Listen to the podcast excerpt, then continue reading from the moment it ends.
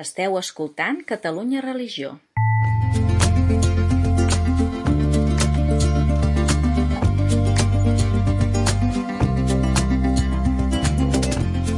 Converses en la frontera, un podcast de Gabriel Jaraba i Xavier Morlans.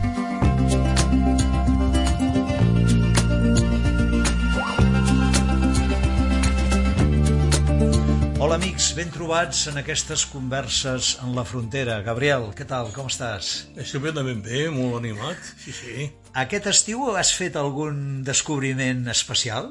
He descobert el futbol. Què dius ara? Sí, tu. Has descobert el futbol. He descobert el futbol. A veure, perquè s'entengui, eh, jo era, era un nen eh, amb ulleres Ah. i amb ulleres a cul de got.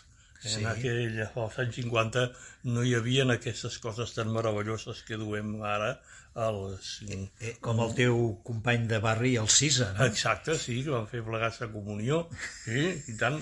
I ell Eh, també era de- sí. d'u- d'ulleres de, de cul de- d'ampolla. I tant, absolutament. A veure, eh, i per això doncs estaves ja predestinat d'alguna manera. Estaves exclòs dels eh, esports valents i especialment del joc de pilota i encaminat doncs a coses com la música. Ahà. Eh, ella a la guitarra, jo a l'harmònica, eh, així, bueno, la gent no em coneix gaire la, la faceta de d'harmonicista, però jo havia una època que semblava el Toots Stilleman, I, saps? I tocaves pel carrer, I m'imagino. tocava pel carrer, i tocava al Pel- balcó pel de poble- casa, pel sec, i ostres. tocava per tot arreu, i era... Aleshores, s'ha de tenir en compte que, a veure, hi ha una manera de viure, hi havia una manera de viure diferent.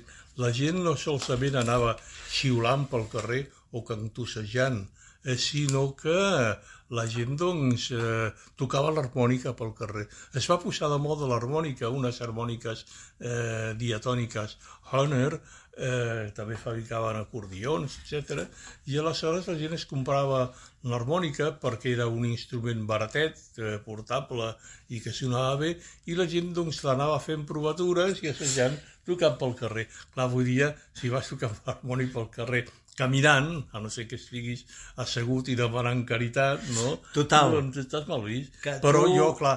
no, res de futbol. Jo res de futbol. Jo res de futbol fins, fins ara, fins aquest estiu, que em vaig posar a mirar el Mundial de Futbol Femení i vaig dir, ostres, això està molt bé. Eh, això és un... la, la, la diferència qualitativa del futbol que jo sempre havia mirat així per sobre i una mica sense fer-hi gaire atenció i això que vam estar veient era una altra cosa. Per què? Perquè tenien un altre, un altre tarannà, una altra actitud, una altra manera d'estar i jo crec que això la gent, el públic, ho va canviar, ho, eh, ho, perdó, ho va captar molt ràpidament.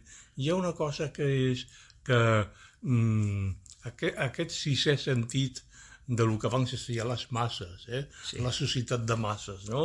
i que d'alguna manera alguns s'han rebutjat i altres, doncs, com Theodor Adorno, o, o d'altres doncs, han mm, conreat, com Umberto Eco, mm, molts i creiem veure un cert indicador, si més no intuïtiu, de per on van determinats eh, senyals i, i signes del temps.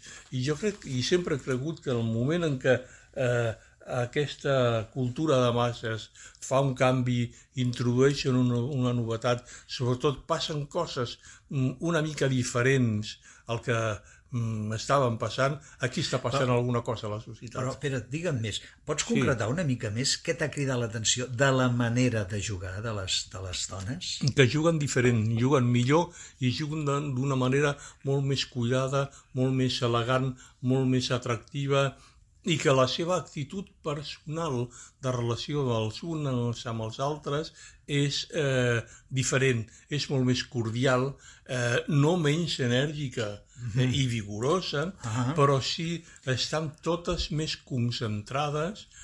Els mm, jugadors, ara, ara que m'hi començo a fixar, els jugadors masculins estan molt distrets quan juguen al futbol, quan estan al, al camp. Estan molt distrets, estan molt cadascú per la seva cosa. Ells són el reflex de l'esperit individualista del capitalisme pel qual representen. Això Eh, això de les, del, del futbol de les dones és una altra cosa. I l'actitud de cordialitat de les unes amb els altres eh, mm, és tot una, altra, una manera d'estar diferent. Llavors, tu estàs induint que d'aquesta manera diferent de jugar a futbol les dones veus com un signe dels temps del que poden aportar, estan aportant i encara poden aportar més les dones. Ja, ara ja saltem el pas de la política, de, de la, de la gestió del món. Mm -hmm. Estic veient diverses coses alhora, no?, que estan funcionant en paral·lel. En primer lloc, eh, que abans la gent no en feia cas, i ara sí. La gent no s'ho mirava i ara resulta que sí, i ara resulta que és un espectacle i un espectacle comercial, no ho oblidem. Mm. I per tant, dos, eh, eh, les persones que són professionals d'aquest espectacle comercial reclamen un tracte just a la seva retribució i posen de relleu eh, les, eh, no solament les desigualtats, sinó les injustícies que hi ha al respecte. Eh, tres, eh, apareixen que resulta que hi ha sindicats de futbolistes femenines a Espanya i arreu del món, cosa que abans no sabíem. Hi ha aspect, tots els aspectes del futbol que estan amagats al futbol masculí. En aquí no, aquí està tot a l'efecte. Hi han moltes jugadores femenines que són homosexuals i això ho, ho, ho exhibeixen amb una naturalitat i una espontaneïtat uh -huh. molt dignes. El cas de la millor jugadora del món, Megan Rapinoe, per exemple, no? En canvi, no veiem ni un sol futbolista masculí que es declari com a gai. Escolta, m'estàs dient que el moviment de les dones és la nova classe obrera que farà avançar la història de la humanitat? Dit així sembla molt bèstia, però això és el que penso. Mm, a veure, no serà l'única... A veure, hi haurà una nova classe obrera, entre cometes, hi haurà un nou moviment dels treballadors, eh? però que tindrà formes molt diferents a les quals ha tingut fins ara. Eh, I que això es veu amb, amb, amb aquest moviment de les dones, que dèiem, fixa't que no li diem moviment feminista, que és molt digne i està molt bé sí. i està aquí, per això va molt més enllà. Que està molt dividit, molt esquinçat, molt dividit, entre les i... feministes clàssiques, uh històriques, -huh. que reivindiquen la diferència fisiològica, i les, el nou feminisme, que diu que cadascú és el que, el que sent, no? Però, bueno, uh -huh. ara parlem més aviat sí del moviment. Aquest de moviment de les dones va molt més enllà d'això, no està tan ideologitzat, alguns en dirien tan sectaritzat, i abasta doncs, a, a llocs on, on abans no abastava. Abastava a dones grans i a dones de classe treballadora i dones de classe mitja. Uh ah. -huh. I això, a, amigo, eh, són figues d'un altre planer. Aquests dies també hem vist eh, que als Estats Units el president Joe Biden eh, president demòcrata, s'ha posat al capdavant d'un piquet de vaga, de mai la vist, vaga de... Mai vist el president amb megàfon a la mà. Amb megàfon a la mà i, I, amb, i, gorra, i, amb gorra. I amb la gorra de les sigles del sindicat convocant, sindicat majoritari del sector del motor. Caram, feia quatre dies que havia hagut la paga d'actors i guionistes de Hollywood, mm -hmm. en la qual doncs, apareixen mm, personatges molt coneguts, com el mateix Woody Allen, que diuen, compte, que jo també sóc sindicalista, sóc membre de tots els sindicats del meu ram. Això a Europa no ens entenem d'aquestes coses, mm -hmm. no entenem aquestes formes, aquestes noves formes d'actuació del moviment obrer. Tampoc se, també seguim sense entendre, o no del tot, el moviment com les Kellys, que és l'apòcop mm. de les que limpien, no? Mm. les, les, les netejadores i cambreres de planta d'hotels, no? Però és que encara hem de veure com ha de sortir, perquè ja s'està movent, el moviment de repartidors en bicicleta que reparteixen encàrrecs o, o menjar ràpid a domicili. A veure el moviment dels treballadors per dir-ho també d'una manera més apropiada, del segle XXI no pot ser ni el del segle XIX Clar. ni el del segle XX. No vol dir que no n'hi hagi un moviment dels treballadors, ni vol dir que el president dels Estats Units sigui un treballador, però sí que, encara que treballi de president, però sí que eh, estem veient signes, senyals, complicitats, maneres de fer, i en això els futbolistes masculins estan quedant molt enrere per exemple, tota la reacció que hi ha hagut amb el tema del Mundial de Futbol i la selecció espanyola, la reacció sociopolítica, diríem, sí. contra determinades actituds injustes i, i, i degradants. Mm -hmm. que hi ha hagut, no? Mm, hi ha hagut una reivindicació de la justícia i de la igualtat i, de la, i, de, i del tracte humà. Eh, els futbolistes masculins, trets de molt poquetes excepcions, s'han quedat en silenci i enrere. Això, això ho pagaran. No ho dic en plan penjant, és a dir que els, els costarà eh, un preu en termes de connexió amb la societat. Cada vegada més apareixeran com a un... no com, com, com uns privilegiats, potser sí, potser no, però sí que en aquest moment no se'ls haurà tant en l'avantguarda com eh, l'avantguarda d'aquest moviment de les dones que ens sembla el futbol femení. Serà una fotessa, serà una niciesa, eh, serà segurament una simple, un simple signe i no una cosa de més a fons. Però quan alguna cosa passa a la superfície de certes significacions, Sí. vol dir que per sota de l'onatge, a les profunditats del cos social i del cos psicològic, diria jo, i del cos històric, estan passant, estan passant algunes coses. Precisament aquests dies a Roma, ho dic també per la part que ens afecta com a cristians, s'està obrint el sínode de la sinodalitat, que durant tres anys ha recollit, ha recollit peticions de tots els continents i totes coincideixen i ha arribat en el document l'Instrumentum Laboris, peticions com que es promogui l'or- l'ordenació de dones a diaconeses, que sembla que l'antigó, a les èpoques de Sant Pau, ja existien, i si no existien, potser l'Esperit Sant demana que les ordenin, l'empoderament de dones en llocs de decisió, la qüestió, per tant, diríem que per una banda potser amb, amb molts deures per fer, ho dic amb, amb, amb consciència autocrítica, no? l'Església Catòlica s'està també obrint aquest signe dels temps. Com ho veus? Com ho veig? Eh, jo, jo crec que senzillament aquesta apertura és imparable i necessitarà doncs, tota una sèrie de processos complicats mm. perquè jo crec que no solament hi ha processos que s'han de donar sinó mentalitats que s'han de respectar Clar. jo crec que tothom és digne de respecte i tothom a veure, jo parteixo d'un principi que algú mm, a vegades diu, és que és una mica tebi. A veure, tothom té molt bones raons per sí. fer el que fa. Sí. Altra cosa és que compartim aquestes raons o els hi donem, diguem-ne, pavo, no? Clar, sí. Però, però és molt cert que els, els mil anys d'història, o, o 1.800 en aquest sentit, eh, pesin molt a l'Església. Però clar, eh, pesin molt a l'Església, però, però en aquest moment estem no ja a les portes del segle XXI, sinó molt més enllà. Estem en un moment de canvi descomunal, on el canvi no és només el del canvi climàtic, eh, sinó que el canvi és un canvi psíquic eh, profund d'allò que coneixem com a gènere humà. Però mira, jo vull aportar una dada que no afecta directament a les dones, però sí indirectament. En aquest sínode també s'obrirà el meló, ja es, va intent, ja es va obrir en el de la Macedònia, que és, hi ha la pregunta en el material que estan distribuït, que tenen tots els bisbes i, per cert, laics i laiques que per primera vegada podran votar per voluntat del papa Francesc. El tema del celibat obligatori dels capellans, o formulat en positiu, diu la pregunta, no ha arribat el moment que ens plantegem si per algunes zones del món caldria provar d'ordenar com a preveres a catequistes, homes que ja han donat prova de ser gent sinodal, líders positius, perquè puguin celebrar l'Eucaristia en aquelles tribus remotes de la Maçònia. Doncs bé, saps, segons m'informava gent ben entesa, qui, quins grups suposen més a, a això, no?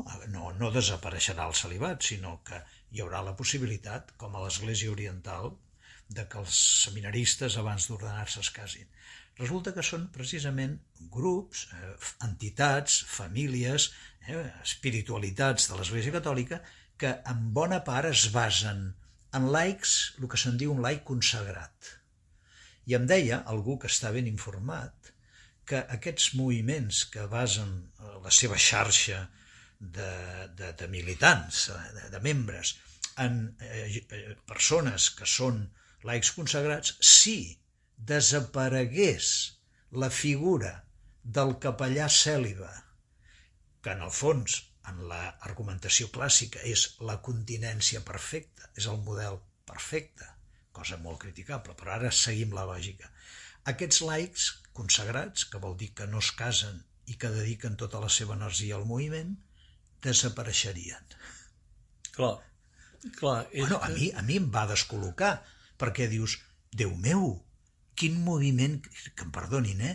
Quin moviment cristià és aquest que basa una cosa tan important com és la vocació de joves captats, no en la pregunta Senyor, què vols tu de mi? sinó amb la pregunta què és el que s'acosta més a la perfecció dels capellans? Ho trobo senzillament horrorós i des d'un punt de vista cristià totalment rebutjable. Clar, perquè és definitori de qui són els propòsits, de quins són els propòsits i objectius d'aquests moviments. Per a què és? És a dir, una, a veure com ho sabria dir jo un dia, una, una església que només viu per ella mateixa no és res. Bueno, és que finalment hi ha un projecte polític de domini. Ah, de clar. tenir persones, ah, perdó, eh, però no sé, també han de ser profetes no? i han de denunciar, de, de tenir un personal més dòcil, i això val també per un cert tipus de, de prevera cèl·liba, alguns, eh, perquè els que ho viuen de manera positiva, magnífic, i endavant, no? Però, clar, t'esgarrifes perquè veus com això, aquests temes, no? com és el celibat dels capellans, o les vides consagrades, no dic totes, eh, amb un respecte infinit, però com poden formar part d'una estratègia de, de, de domini, de conservar l'ordre. Bueno, eh, i, i, i potser això ens ajuda a entendre per què durant aquests segles eh, hem arribat on som. És a dir, com és que una cosa que és tan eh, guai com el cristianisme sí. es converteix en una estructura doncs, de poder on el mascle, diguem-ne, cèl·libe és el que, el que preval i que tal, i que surten i que les dones doncs, mm. estan doncs, fetes per netejar l'altar major de la Sagrada Família, etc. Doncs per això, és que ho tenim davant dels morros, coi, dius per això, perquè veiem que hi ha, que el que s'ha fet és una cosa que històricament, igual històricament era impossible fer una altra cosa, si és que a la història és impossible fer una cosa i no una altra, eh? però igual això explica lògicament quina ha estat la línia de, major, de, de més baixa resistència en la formació d'uns determinats cossos socials, en aquests casos l'Església, dintre del que hem conegut com el sistema en el qual hem viscut en aquests 2.000 anys. El tema és que quan, com tu dius, hi ha una consciència creixent, no? aquest moviment subterrani que flora a la superfície, i ja fa anys que les parròquies i l'Església Catòlica, les dones, estan verbalitzant i reivindicant aquest que, que es tingui més en compte, que puguin estar en primer pla com els homes. El tema és quan això ja esdevé eh, majoritari o comença a acostar-se als dos terços, eh, perquè, perquè, perquè el papa francès pugui prendre alguna decisió consensuada, ell vol que alguna d'aquestes propostes, per exemple, l'ordenació de dones diaconeses o l'acceptar ad experimentum l'ordenació de catequistes casats, ell vol que almenys surti per dos terços eh, d'aquestes 340 persones. Quan ens hem, estem acostant als dos terços, ah, amigo, com reacciona l'altra banda, no? Clar, però és que és que sempre el mateix. Eh, eh, i, I és, a més a més, una, eh, una qüestió, és molt, és molt cruel, perquè en aquestes circumstàncies és quan es posa de manifest quina és la veritable intenció de cadascú i sobretot com totes aquelles argumentacions que a vegades es construeixen des del punt de la vista de lo lògico-racional fins i, fins i tot de lo teològico-especulatiu sí. i estic utilitzant males paraules a posta precisament eh, mm, cauen com a, com a fulles seques deixant eh, a la, en la nuesa la realitat de les coses. La realitat de les coses s'imposa per a bé i per a mal. El, el d'això, el celibat és sacerdotal, eh, dels homes, no? Per exemple, això dels homes casats, d'aprovada, etc que puguin celebrar l'Eucaristia. Això ja ho hem tingut a Europa. i fa molt poquet a Txecoslovàquia, com tu saps perfectament, Sí, sí. allò que seria l'església subterrània, mm. -hmm. eh? quan el règim comunista estava més, més, més dur, mm. -hmm. mirem que l'evolució o involució de Txecoslovàquia porta doncs, a, la, a, la distru, a la dissolució de la primavera de Praga d'Alexander Dubček i la, i la invasió per les tancs del, pan, del pacte de Varsovia, abans ja, quan les coses s'endurien, l'Església va decidir doncs, que hi haurien capellans que no fossin identificats com a tal, clandestins, i per tal se'ls va dir de casar-se amb aquests capellans. no? perquè la policia, la policia no, sí, sí, està documentat, perquè la policia no sospités d'uns homes solters que anaven a diferents cases, el Vaticà va donar permís perquè es casessin. I quan va venir, diguéssim, l'alliberament, hi va haver un problema, perquè llavors, com que tot això s'havia de fer clandestí a l'època comunista, no es podien deixar escrit. No es podia fer com quan s'ordena un, un seminarista de diaco prevera, que, que hi ha un dossier, un document escrit. I com que no hi havia res escrit, del Vaticà sembla ser que van demanar que es tornessin a ser ordenats. I aquells homes que s'havien jugat la vida i que estimaven una dona que els hi havia fet costat durant la clandestinitat, n'hi ha que no, van, que no van voler tornar a ser ordenats, aquestes, aquestes paradoxes de la vida. Però com tu dius, Gabriel, no només això. Actualment hi ha, perquè m'he informat darrerament d'això, hi ha 7.000 capellans catòlics casats, són a Hongria, Romania, Líban, Illes Gregues, sud d'Itàlia. És a dir, són les esglésies catòliques orientals. Les esglésies minoritàries que quan Constantinople es va separar de Roma, el 1054, hi ha uns nuclis que van seguir fidels a Roma i que Roma, amb estira i afluixes, els va respectar que conservessin els ritus. A Santa Anna tenim cada un cop al mes la celebració de l'Eucaristia maronita, que són els del Líban, amb encens, amb més, amb més eh, gestualitat, amb un cant gairebé constant, magnífic, un cant que em recorda el Teodorakis. Ah, el Teodorakis, ah, perquè és aquesta cosa, eh, i el Mustaquí també en part, Mhm. o sigui, aquests, aquests que, que tenen aquest toc grec i que, i que s'inspiren en part en el cant litúrgic eh, eh, oriental, no?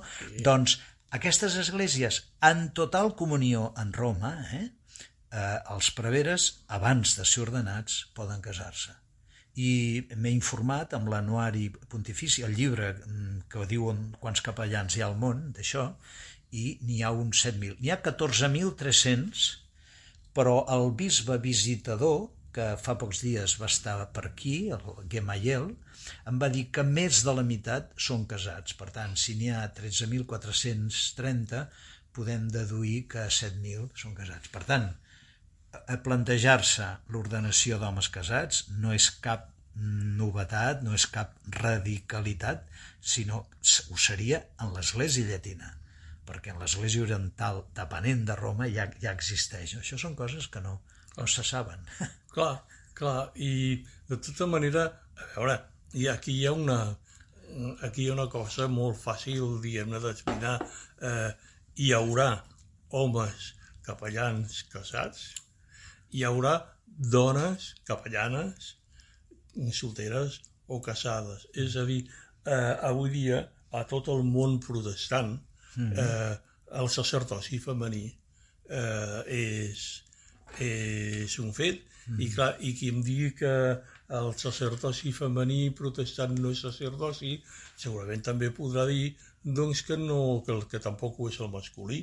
Mm, però, clar, quan tu, vius, mm, quan tu veus personatges com la Catherine Jeffers Corey, arquebisbessa eh, presidenta de l'Església Episcopal dels Estats Units, mm, científica, pilot d'avió, mm, persona moderna i feminista i, i, i, i molt destacada en el seu moment, dius, clar, eh, no sols sabem veure l'aspecte físic, sinó mm, el contacte amb una pastora protestant o, episcopa, o episcopaliana o, o, o, o luterana eh, femenina que, que n'hem que n'hem tingut i dius, ostres, la, la Nathalie Capó, per exemple, sí. la dona de, de l'amic sí. Capó, sí. Eh, una pastora protestant, una deuterana, o la, mala, la malaguanyada, perquè és morta, Susan Woodcock, eh, pastora de l'església anglicana a Catalunya, a Sabadell.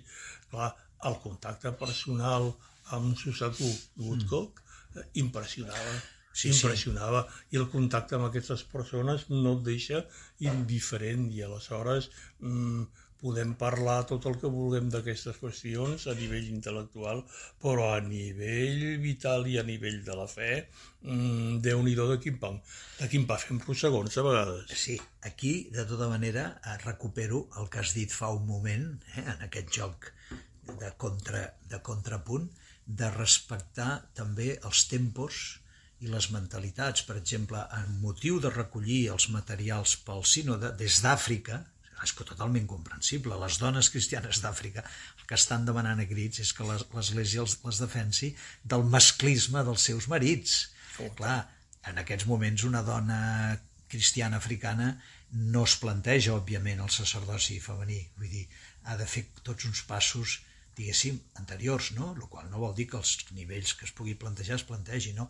O, per exemple, a l'Orient, l'Orient, ara que parlàvem d'Orient i de la seva litúrgia, diuen que té molta importància el valor icònic, no? o sigui, que l'Eucaristia la presideixi un, un home, eh, un baró, per ells és com, ara t'ho dic amb una cosa molt, molt ràpida, és com si anessis a veure la Passió d'Esparreguera i eh, de Jesús fes una dona no? Sí, clar, eh? que ho veurem, que això també passarà. també passarà, també passarà, la veurem crucificada. Clar, clar, molt no, bé. No, no, per què no? Sí, per què eh? no? És molt fort, eh, és a dir, l'impacte i la profunditat sí. d'aquest símbol, precisament, sí, sí. la dona crucificada. La dona crucificada Mm, dona molt per pensar, però això ja és per rumiar, que si vols jo ja m'ho rumiaré per a una, altra, per una altra conversa de moment, la frontera. Amics, ja ho veieu, avui hem començat pel futbol femení, gran descobriment del Jaraba als, a la seva edat, eh.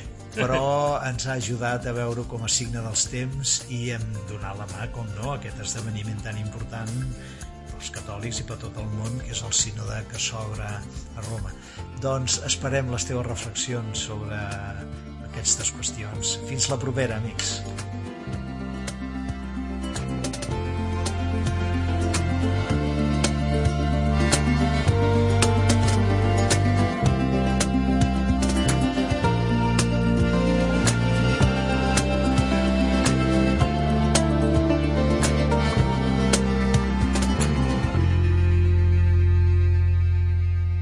Catalunya Religió